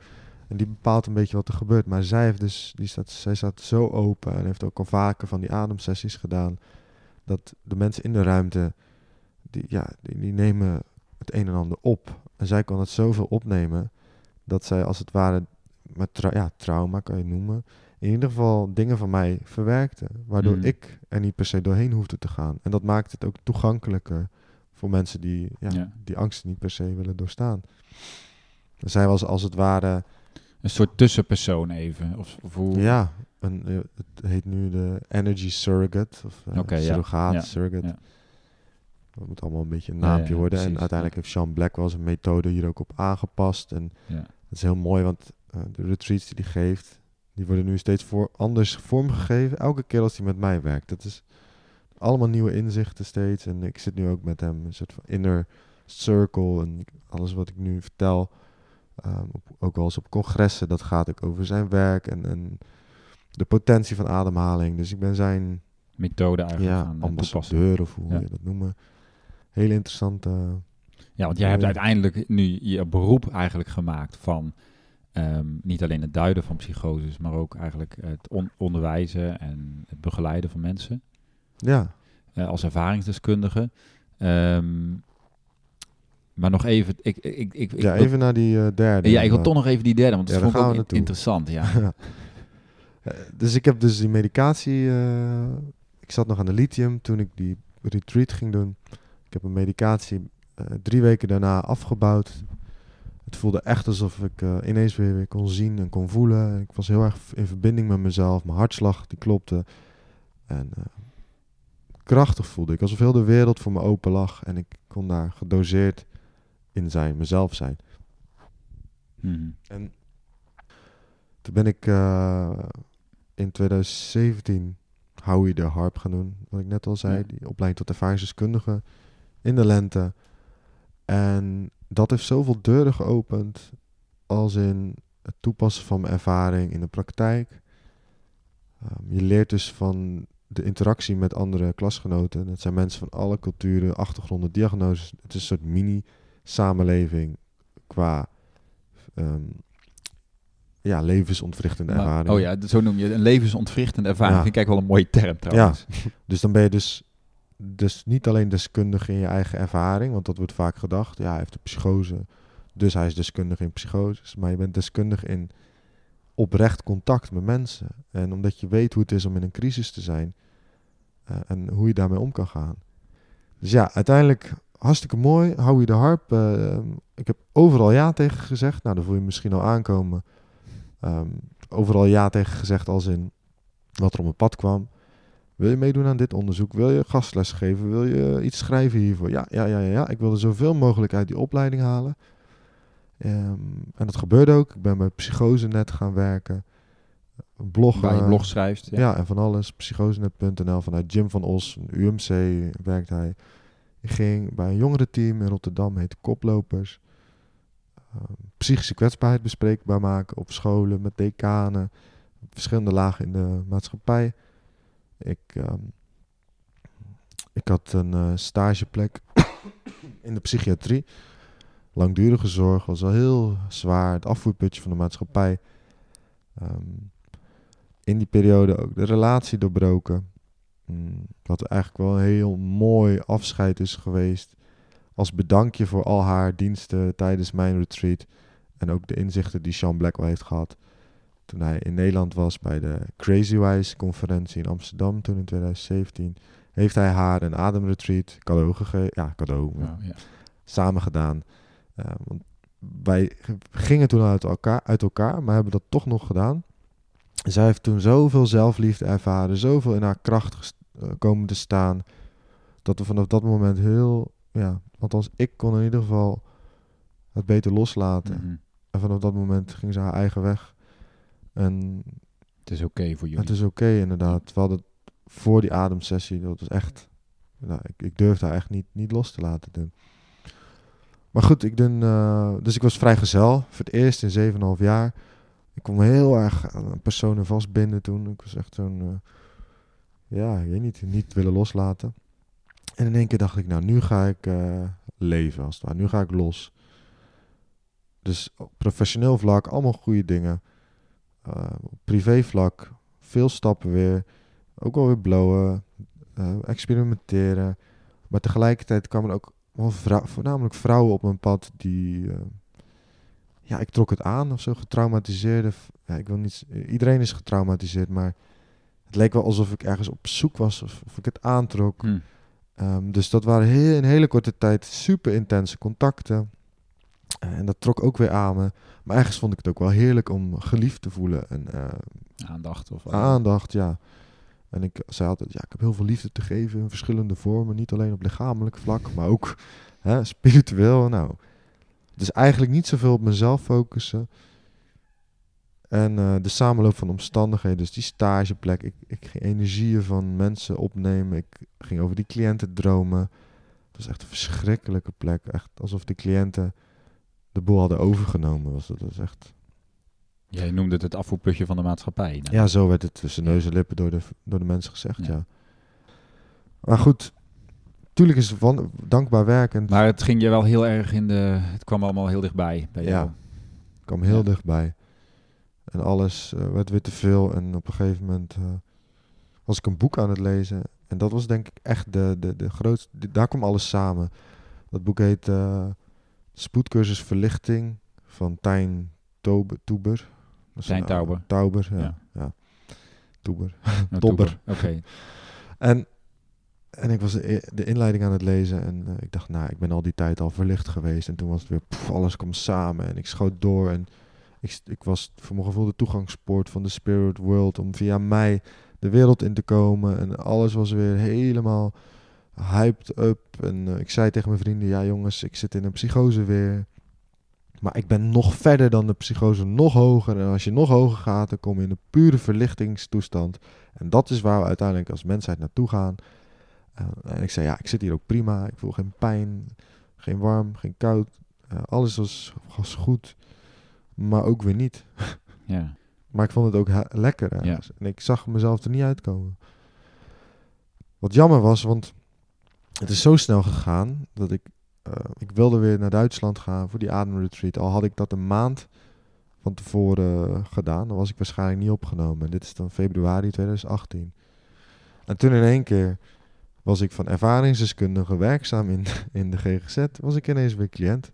Bij dezelfde organisatie waar ik stage liep, maar dan op een andere afdeling. Daar zat jij nu binnen. Daar zat ik binnen, ja. En in één keer kom je weer tussen de psychiatrische patiënten, tussen de geesteszieken, eigenlijk al die termen die je hoort. Je bent mentaal gestoord, je zit in een psychiatrische inrichting. Krankzinnige. Krankzinnige. En, en daar word je niet beter van. Want je bent zelf al open en gevoelig. En dan kom je tussen mensen die op hun manier ook zo zijn. Weet je gelijk ook weer, was het hetzelfde verhaal? Medicijnen, uh, dempen? Hetzelfde verhaal. Ik zat weer aan de lithium. Niet comfortabel in mijn lichaam. Ja. Uh, echt totaal Had je dan het gevoel van ik ben weer terug bij af? Zo'n gevoel had ik wel, ja. Ja. Ik wist diep van binnen dat het niet zo was. Maar dat is steeds, zeker de afgelopen zes jaar, een struggle naar onafhankelijkheid. En dan weer afhankelijk worden. Keer op keer. Ik ging, ging naar Ghana met het idee, oké, okay, straks mijn studie afgerond, ga lekker uit huis. Ik ben al zeven jaar toe om uit huis te gaan. Ik woon nu nog steeds thuis. Het gaat allemaal goed, wel. Jij was een gewoon, om even, want dit vind ik nou, Ja. nu komen we eigenlijk pas in het interessante gedeelte, denk ik, van ons gesprek. Nou, om, om, hè, jij was een gewone jongen. Ja, je blode misschien eens wat en je was wat eh, cynisch. Maar dat is ieder, dan kun je zeggen, ja, Ja. dat niks bijzonders Ik was aan. wel een aparteling als in... Ik hoorde vaak op de middelbare school... Tim, doe normaal. Door die klas, de meisjes dan. Tim, doe normaal. Oké. Hou op, weet je, als stapit van die Oh, ja. grappige... Dat ik dan op een bepaalde manier aandacht gaf. En dan, maar dan reageerde ik al toen op 13, 14 jaar... Wat is normaal in deze maatschappij?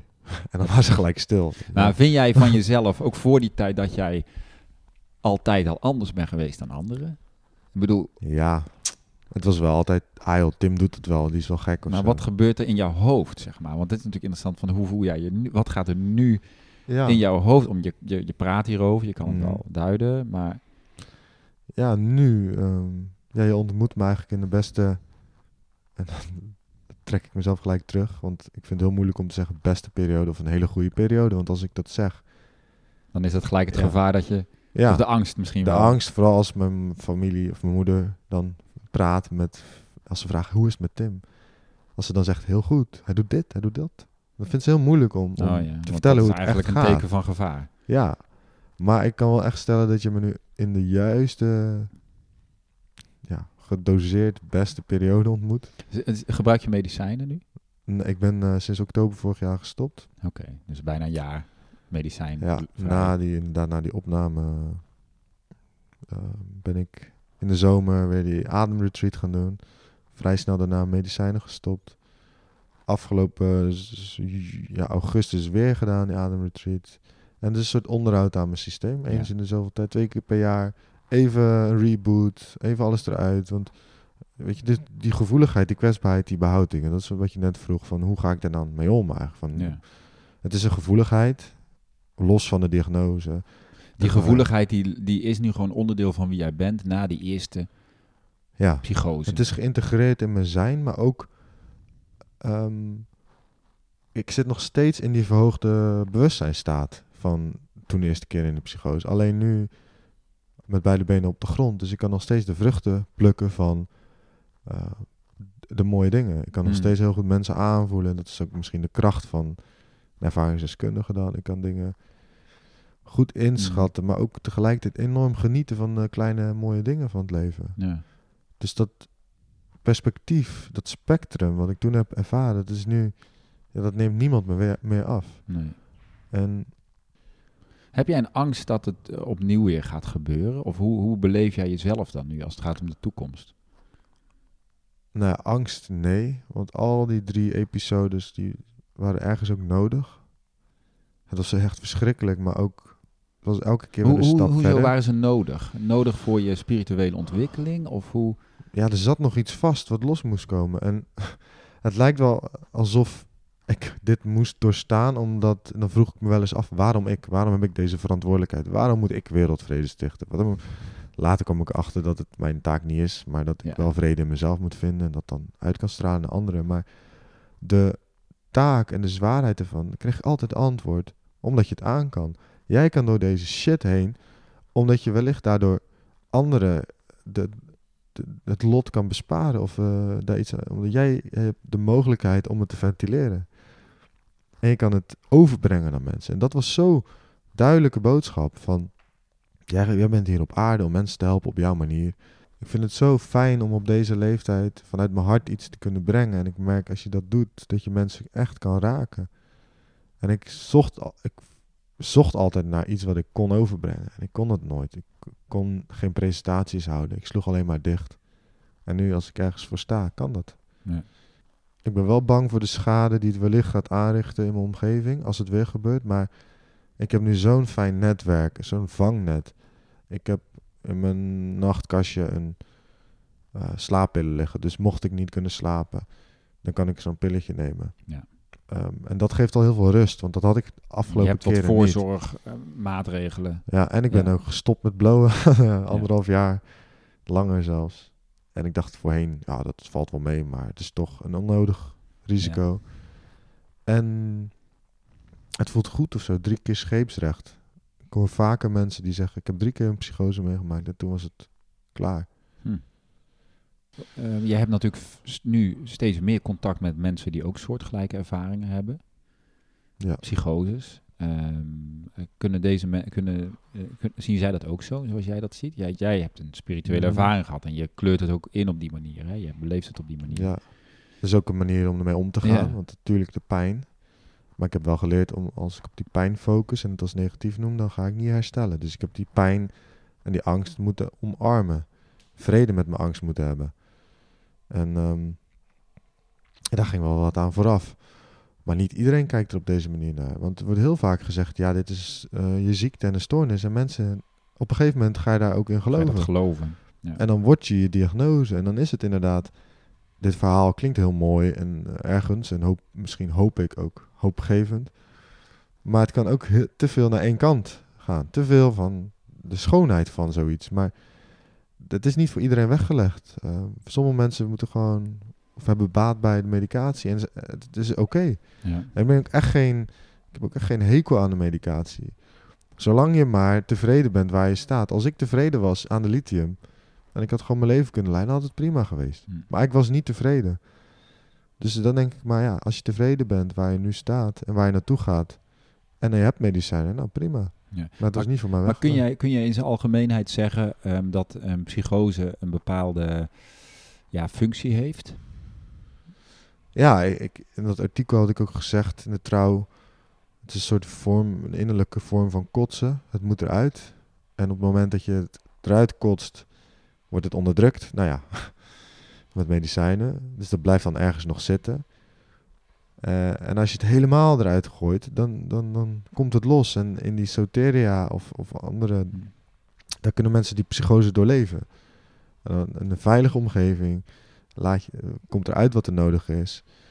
Combineer dat met, ja, met ademtherapie, met Sean Blackwell. Dan, ja, dan is het de ideale setting om opgekropte emoties, trauma's eruit te gooien. Dus een, een noodzaak om ja, dichter bij jezelf te komen uiteindelijk. Ja. Bij je echte zelf. Maar goed, dan zou je ook kunnen zeggen van nou, dan gaan we dus op dit moment als land, eh, doen we het eigenlijk niet helemaal goed. We gaan juist al die mensen drogeren. We, we- Ja, gelukkig is er wel heel veel ruimte voor in Nederland voor de alternatieve kant. Althans, als ik Sean mag hij is op veel plekken in de wereld geweest en hij heeft wel heel veel hoop voor Nederland. En dat het zo'n klein georganiseerd landje is. Als er een verandering door wordt gevoerd, dan kan het ook op grotere schaal. Omdat Nederland ja, niet zo groot is. Maar ja, ik denk ook niet dat het naast elkaar kan bestaan. Stel je komt bij de psychiater en je vertelt het. Hij zegt, nou ja jongen, we hebben twee opties. Je kan eh, de rest van je leven aan medicijnen zitten. Je kan dit niet meer, je kan dat niet meer. Je hebt een psychische stoornis. Dat is de ene optie. Of we gaan je twee weken lang een ademretreat aanbieden. Waardoor je alles los kan laten. Waardoor je een veel Kan beter genezen. persoon wordt dan je ooit was. Eh, en eh, totaal geen stoornis hebt, maar juist een, een, kracht gaat integreren. Welke zou je kiezen? Ja, dat zijn eigenlijk de twee uitersten. En ik hoop dat daar een soort van middenweg in kan komen. En, en waar het begint bij dat de psychiater durft te erkennen dat hij ook niet alles weet.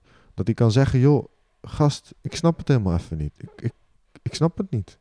Maar volgens mij wat je nu zegt, heeft best wel een spirituele aard. Kijk eens even hiernaar of daarnaar. Dat je wordt doorverwezen. Dat, dat er wordt gezegd dat er meer is dan de reguliere zorg. Die openheid.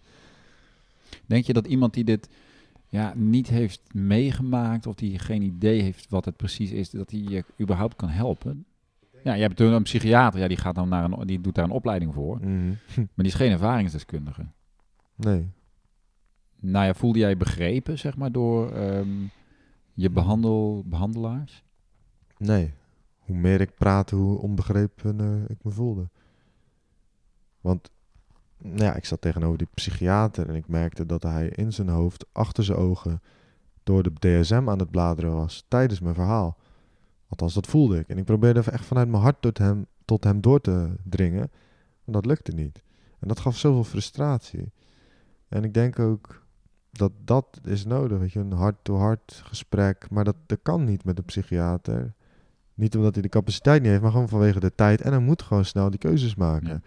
Als ik dan nog een klein stapje naar technologie mag maken, Mhm. een soort van visie. Want er is een project dat heet Labyrinth Psychotica. Dat is van Jennifer Canari. En dat is, eh, dan kan je dus ervaren hoe het ongeveer is om een psychose door te maken. In een, in een doolhof letterlijk. Wel heel veel op angst gefocust, maar ik denk dat dat een enorme drempel Nou ja, verlagen kan Angst zijn. is natuurlijk wel een van de drijf, drijvende krachten achter een psychose, toch? Ja, Er zit zeker. altijd angst erbij. angsten, wanhoop. En dat is ook, als je niet in staat bent om erover te praten en het blijft maar in je zitten en je Mhm. weet niet hoe je het moet ventileren of je hebt de capaciteit niet. Of, ik wil niet zeggen dat je zonder capaciteit, ja, als in intelligentie, ja, dat het dan per se moeilijker is om te herstellen. Maar ik heb wel echt heel veel geluk gehad dat ik taal aan kon koppelen aan mijn ervaringen. Ja. Had ik dat niet gekund, dan had het in mijn systeem gebleven. Dan had ik misschien ook keuzes gemaakt. Had ik een psychiater of, of verpleegkundige of wie dan ook pijn gedaan. Had ik misschien agressief geworden. Ik was boos, gefrustreerd, maar er zat altijd een filter Van, ik, ga, ik, ik zou je pijn willen doen, maar ik ga het niet doen. Ja, precies. Je kon En- jezelf nog waarnemen. Ja, en dat is wat wel vaak gebeurt. Het is dan zo overweldigend dat mensen doorslaan, doordraven, agressie, agressief worden en daardoor eventueel in de gevangenis terechtkomen. Ja. Ik heb het geluk gehad dat ik dat filter had, maar anders had ik misschien ook Ja. in de gevangenis terecht kunnen komen. En daarom is die scheidingslijn zo verschrikkelijk dun. Van gevangenis, waanzin, normaal. Nou ja, dat is natuurlijk het, de grote, het grotere plaatje van ons gesprek is eigenlijk van ja, wat is eigenlijk de dunne lijn tussen waan, Ja. waanzin, gekte en, en, sanity. Wat is sanity in het Nederlands? Hè? Eh, Re- realisme of zo? ja, je verstand zeg maar normaal erbij, houden. En wat is normaal zijn? Hè? En ehm, Ja, ja, goed. Als ik mijn mond had kunnen houden tegen bepaalde mensen, dan was er misschien niks gebeurd. Als ik Ja. een fijne plek had om mezelf te kunnen uiten. Dus mijn, mijn openheid heeft me gered, maar ook mijn kop gekost. Ja. Dus ja, dat is het. In hoeverre kan je je eigen waanzin voor jezelf houden? Of in hoeverre vind je een manier om die waanzin te uiten?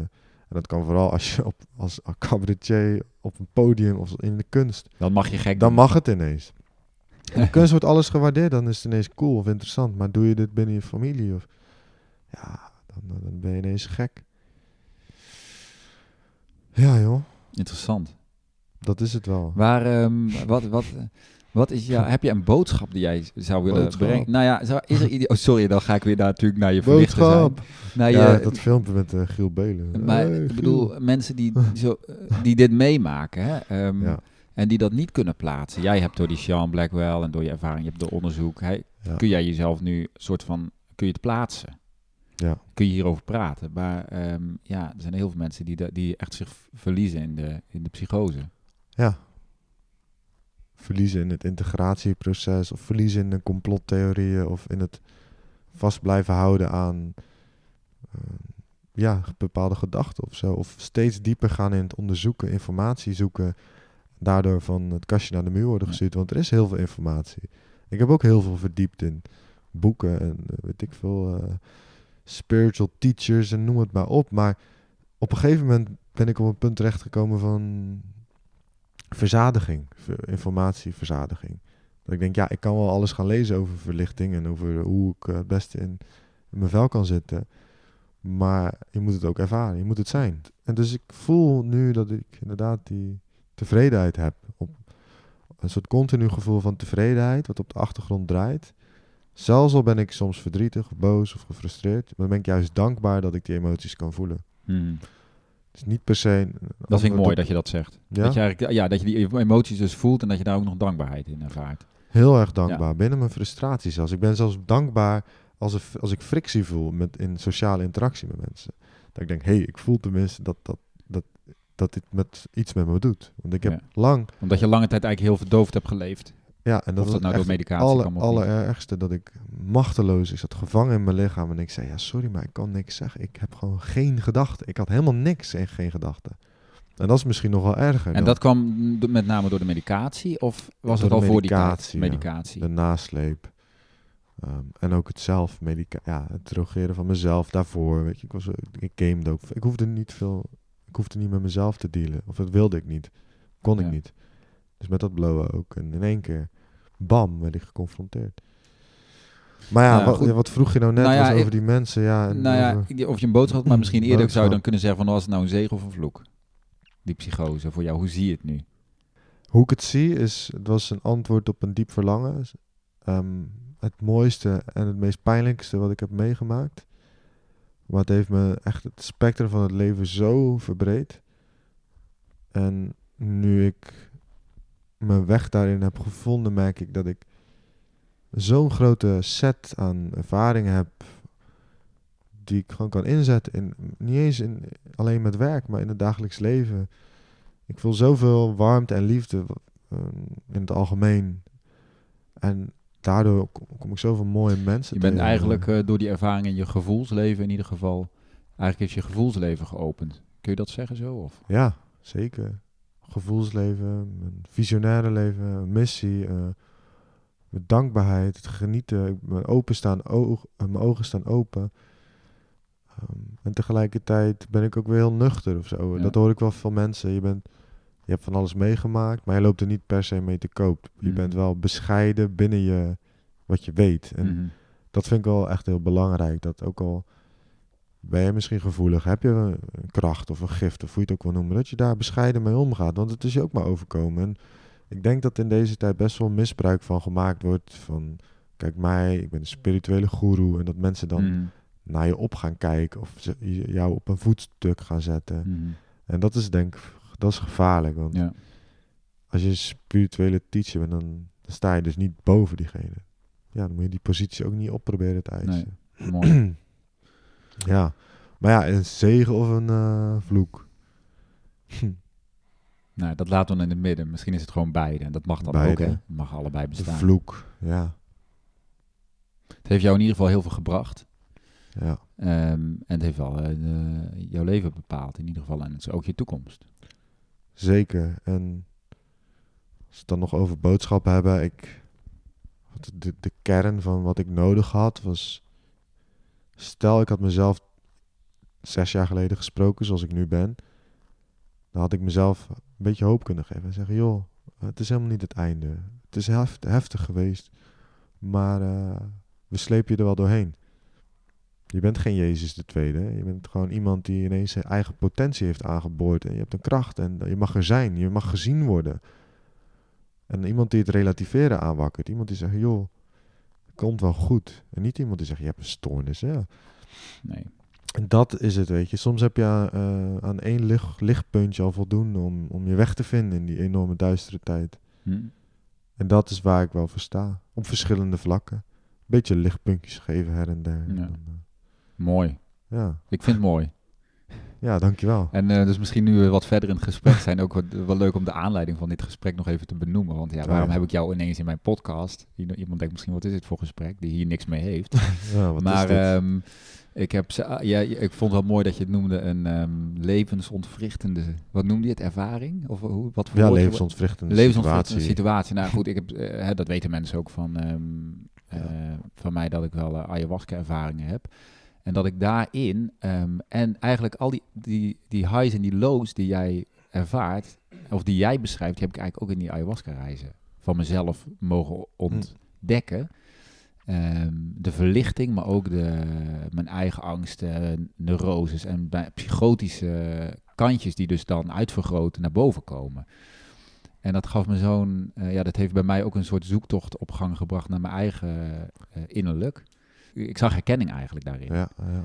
En ik denk dat heel veel mensen die eh, misschien wel met ayahuasca of andere eh, middelen, zeg maar, ehm, eh, die daar ervaring mee hebben, die zullen dat wel herkennen. Want ja, iedereen komt daarin zeker zijn angsten tegen. En als die Ja. uitvergroot wordt, dan kan dat eh, behoorlijke proporties aannemen. Nee, je egoloosheid. Ja. En de egoloosheid die ik ook ervaarde, dat je het niet meer bent, weet je wel. en Dat, je, dat zijn hele mooie ervaringen, maar de vraag is, en daar had ik zelf ook van, ja, hoe ga ik dit weer integreren in mijn leven? Hoe ga ik nu op aarde leven? En dat is natuurlijk dan de grote, ja. wat super belangrijk is, denk ik, bij dat soort ervaringen. En bij mensen die dat soort ervaringen begeleiden. Om, het gaat niet om het moment zelf, maar vooral de achteraf. Van hoe ga je daarna weer je leven op aarde vormgeven? En dat kan heel super uitdagend zijn. ja. Dat is eigenlijk de grote werk wat er is. Van oké, kom nou maar weer met je voet op de vloer. Nu moet je gewoon eh, hier leven. Ik vind het wel mooi dat je zegt super uitdagend in plaats van lastig. Nou, Want in uitdaging zit ook een kans. Ja, tuurlijk. Het is, eh, het, het is natuurlijk voor mij ook, mijn, eh, en ik denk dat heel veel mensen dat kunnen beamen, die bijvoorbeeld ayahuasca hebben gedaan, dat het ehm, ja, een van de mooiste ervaringen van je leven is. Ja. Ehm, maar ook ontwrichtend dus. Zeker als je die niet goed kan eh, integreren. En ik denk dat daar, ja, daar ligt denk ik ook ja, wel werk voor ons allemaal. Ik heb een heel, of een aantal hele fijne mensen in mijn omgeving die ook die ervaring hebben gehad met ayahuasca of andere geestverruimende middelen. En daar kan ik het zo goed mee vinden op dat spirituele vlak. Omdat zij heel veel herkennen. Hm. En het verschil is dat zij ernaar op zoek gingen. Ze hadden al informatie gelezen over.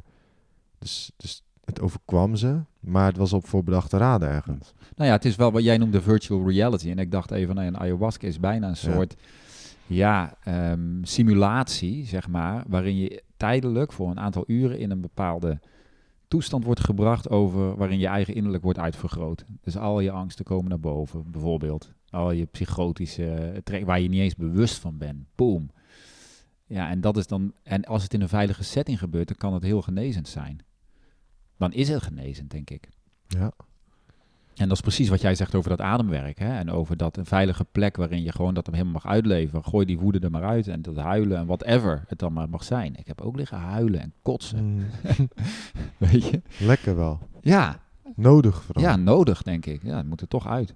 Dus was het maar zo dat, dat op het moment dat iemand eh, de realiteit zou verliezen of psychotisch zou worden, dat er meteen een veilige ruimte zou zijn.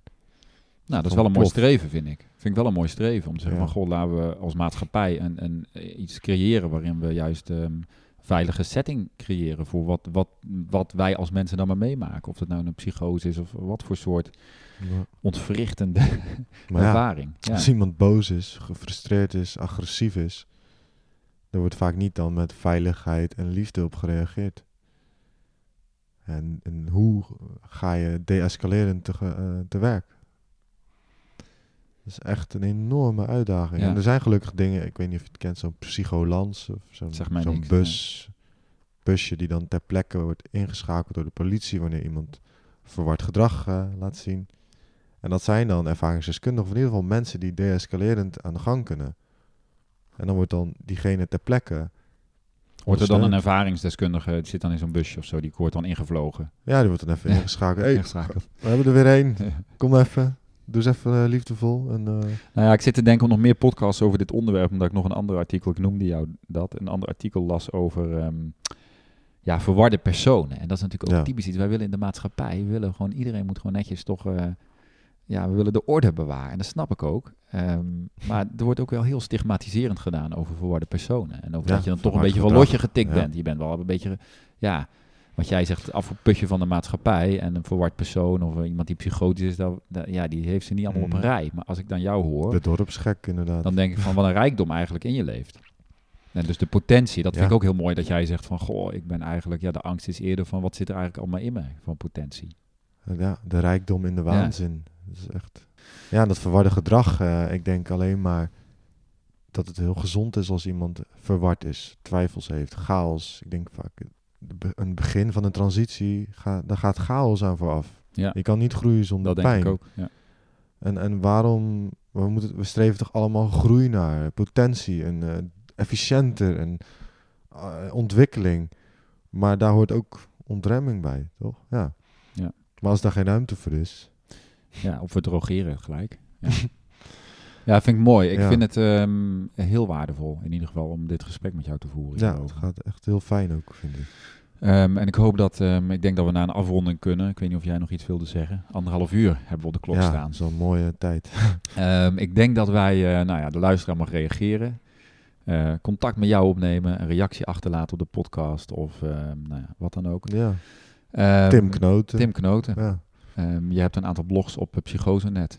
Ja en Onder nog wat meer artikelen, Ja. verschillende vlakken. Doe jij iets met social media of zijn er andere Ja, LinkedIn dingen, maar ik ben nu als ZZP'er begonnen en ik hoop binnenkort een website te gaan maken, flyer om mezelf wat meer te promoten? outreachen te gaan. Want toch, tot nog toe komen heel veel mensen dan naar mij toe met een vraag en ik ben nog niet naar de buitenwereld gegaan, Mhm. echt zelf. En daar is het nu al tijd voor. Ik hoop op den duur. Ik heb wel eens als trainingsacteur mijn eigen psychose geacteerd voor studenten. Oké, oh, dat is interessant. Dat was heel tof. Heel intens ook. Kon je, er weer, kon je het ook weer beleven op die manier? Ja, maar wel in een veilige omgeving. Ja. Eh, Heel erg schakelen tussen. Dus ik moest symptomen laten zien. Grootheidswaanzin, verhoogd associatief denken, eh, hallucinaties, betrekkingswaan, nou ja, noem het maar op. En dan gingen mensen met mij het gesprek aan, een open stoelconstructie, voor me zitten. Als ze het niet meer wisten, gingen ze, ging er een ander zitten. En ik moest steeds weer het verhaal oppakken.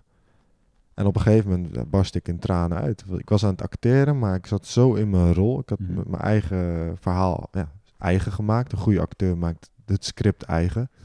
En dat is wel eh, wat ik heb gedaan. En dat was zo'n enorme mooie manier van lesgeven. Want je bent dus een casus aan het Mhm. acteren. Dus dan kan je het meteen interactie aangaan en uitleggen wat wel en, en niet werkt. Hoe jij mij nu behandelt of wat je nu zegt. Ja, dat werkt alleen maar averechts. Of ja, dit was juist heel fijn. En ik hoop daar op den duur... Ik heb wel een project ook meegewerkt om personen met verward gedrag in de wijk eh, wat te bieden. Om, om gewoon de politie te coachen of te trainen van Ja. hoe kan je... Hoe moet je daarmee omgaan? Ja, Ja. Dus dat zijn wat dingetjes. En er zijn genoeg aan mogelijkheden. Ja. En, eh, het is nu aan mij de uitdaging, waar ga ik mijn focus? Opleggen. Ja. ja. En hoe zorg ik ervoor dat ik durf gedoseerd die potentie aan te wakkeren? Ja. En door zo, zoiets als dit ben ik alleen maar dankbaar dat je naar me toe komt, me, eh, dit, dit, dit interview afneemt, dus podcast maakt. Want wie weet wat dit weer allemaal... Ja, dat gaat zeker weer een, eh, een schakeltje zijn. Ja. Het is in ieder geval een mooi, mooi ding voor, Ja. eh, voor in de toekomst ook. Ja, want mooi. het blijft bestaan. Oké man, Tim, we gaan Ja. het afronden. Ehm, Goed. Ja, dankjewel. Ja, bedankt allemaal. Dat was hem. En zoals ik in het begin al zei, is echt nog lang niet alles over dit onderwerp gezegd. En er zijn nog zoveel meer angles aan dit onderwerp die ik eigenlijk wil bespreken. Maar dat kan niet in één podcast. En dat betekent dat er dus nog meerdere podcasts hierover of eh, over dit soort onderwerpen eraan zitten te komen. Eh, en daar heb ik nu al heel veel zin in trouwens. Eh, wil je je eigen ervaring of suggesties met mij delen? Eh, dan kun je mij mailen op supernova.davidpieters.com. Wil je meer weten over mijn leven op Bali bijvoorbeeld, of hoe ik zelf de stap heb gezet naar een totaal ander leven? Ehm, kijk dan ook even op mijn website of volg me op Instagram, @davidpieters. En schrijf je zeker even in voor mijn nieuwsbrief. Nogmaals, dank voor het delen van deze podcast met je vrienden en kennissen. Dank voor het abonneren en jij, dankjewel voor het luisteren. Tot volgende week.